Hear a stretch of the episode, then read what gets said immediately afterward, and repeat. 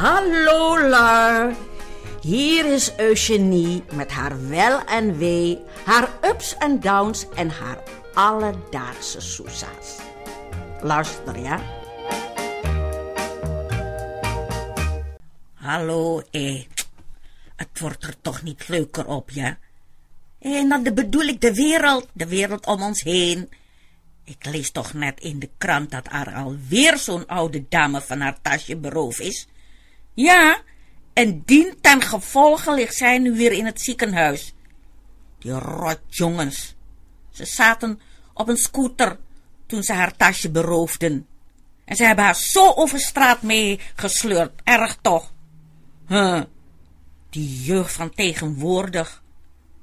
Oh, en dit ja, dit doet mij weer denken aan het geval in Parijs. Wat ik heb meegemaakt. Uh, was vorig jaar, in het voorjaar, ja, toen ben ik naar Parijs geweest. Met Jane en Ferry. En George, die ging ook mee. Oh, jouw nieuwe vlam, zul je denken. Nee, nee, nee, nee, ik sta niet meer zo gauw in vuur en vlam, maar ik moet toegeven dat het wel erg gezellig is met hem, hoor. En wij kunnen goed met elkaar overweg. Ja, en zo'n vriendschap, dat moet je koesteren, ja toch? Enfin, wij, zijn toen met de Thalys gegaan. Dat was voor mij trouwens een hele nieuwe ervaring. Zo'n trein die je met grote snelheid op je bestemming brengt. Nou ja, we waren binnen vier uur zaten we al in Parijs. De stad van de romantiek, met haar beroemde Eiffeltoren, weet je wel. En dan die brede rivier, die Seine, die dwars door het hartje van de stad heen gaat. We kwamen ongeveer om vier uur aan bij het hotel. Het was een eenvoudig hotel, vlakbij het metrostation. Nou ja, George en ik, wij hadden wel een aparte kamer geboekt, ja. En bij aankomst overzie ik de situatie. Een kleine kamer, acht hoog. Niet bijzonder chic, maar met een badkamer en een toilet ernaast is het echt niet onaardig hoor, voor de prijs die ik ervoor betaald had. Ik dacht, hier hou ik het wel drie dagen uit. Ja, en zowel Charles als ik, ja, wij wilden veel van de stad zien.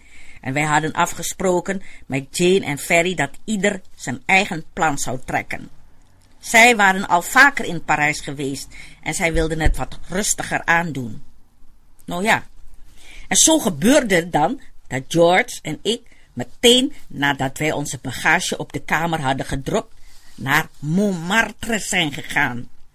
Een plein in een bepaald gedeelte van de stad, een arrondissement, noemen ze zoiets. Afijn, ik wilde daar naartoe vanwege de schilders en zo. En de Sacre-Cœur, daar had ik over gelezen in een boekje. En de Sacre-Cœur, dat is een kerk die in de buurt staat. En, en dat moest je zeker gezien hebben als je naar Parijs gaat. Nou ja, George die was al vaker in Parijs geweest. En hij, hij had ervaring met de metro. Dat is die ondergrondse trein, weet je wel. Die dwars door de stad heen trekt onder de grond. En je op elke plek kan brengen. Binnen een mum van tijd waren we dan ook op de plek van bestemming. Eh, en ik heb genoten. Ik heb genoten van die schoonheid van de kerk. Van het plein met zijn schilders. Die je uitnodigen om ter plekke daar je te portretteren. Ja, en ik genoot ook van de maaltijd die wij daar op het terras hadden genuttigd. En ik heb werkelijk met al mijn zintuigen de sfeer opgeproefd en ik drink, dat moet ik toegeven, misschien een glas wijn te veel. Ja, als wij dan ook rond een uur of half elf was dat in de metro terug waren, loop ik nog een beetje vertraagd een paar stappen achter George aan, in die lege gangen. Ik was moe en ik was ook een beetje soeserig van de wijn en ik overdacht dat het toch wel een heel goed uitgedacht systeem was, zo'n metro, weet je wel, onder de grond zo'n treinenstelsel. Afijn. En toen gebeurde het, lui. Toen gebeurde het. Ik voelde een duw tegen mijn rug. En iemand probeert mijn tas van mijn schouders af te rukken. Ik was meteen weer klaar, klaar wakker en alert. Het was hem niet gelukt, want ik had gelukkig in een fractie van een moment, ja, de hengsels snel vastgepakt. Hij holt verder, maar hij komt weer terug en dan staat hij voor mij. En ik schreeuw tegen hem. Ik schreeuw tegen hem, ik ben echt niet bang hoor voor jou. En, en ik overwoog zelfs om hem een schop in zijn kruis te geven. Maar op dat moment realiseer ik me ook, ja, dat als ik op de grond val, eh, je dan nog kwetsbaarder bent. George, George, die had inmiddels mijn geschreeuw gehoord. En hij kwam erbij. Ja, en boosheid, ja, dat geeft extra adrenaline. Dus wij staan daar als twee oude kemphamen tegenover die boosdoener te schreeuwen. En dan, lui, onverwacht volgt er een tweede aanval van achteren. En wederom probeert zo'n knul die tas van mijn schouder af te trekken.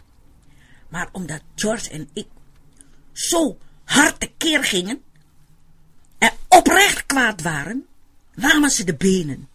Oh. George en ik liepen snel naar het perron, waar de tram gelukkig klaar stond om ons naar onze bestemming toe te brengen. En kwamen wij gelukkig veilig in het hotel.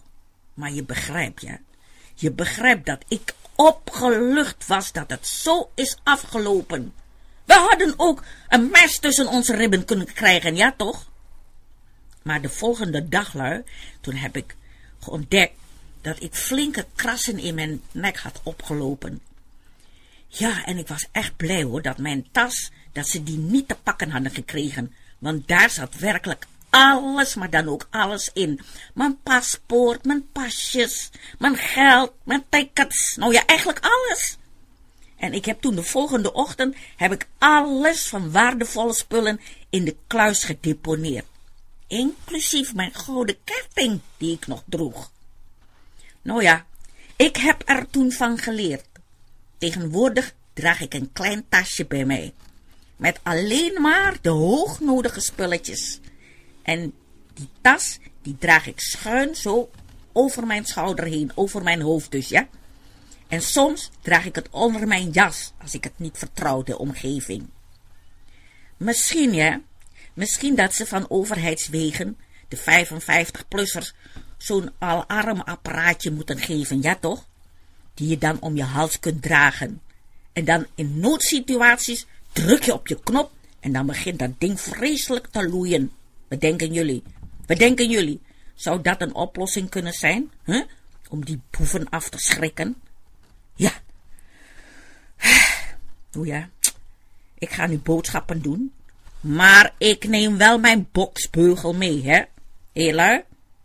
Tot ziens, ja? Tot de volgende keer. Hé, hou je taai, hè? En met de hartelijke groeten van Eugenie.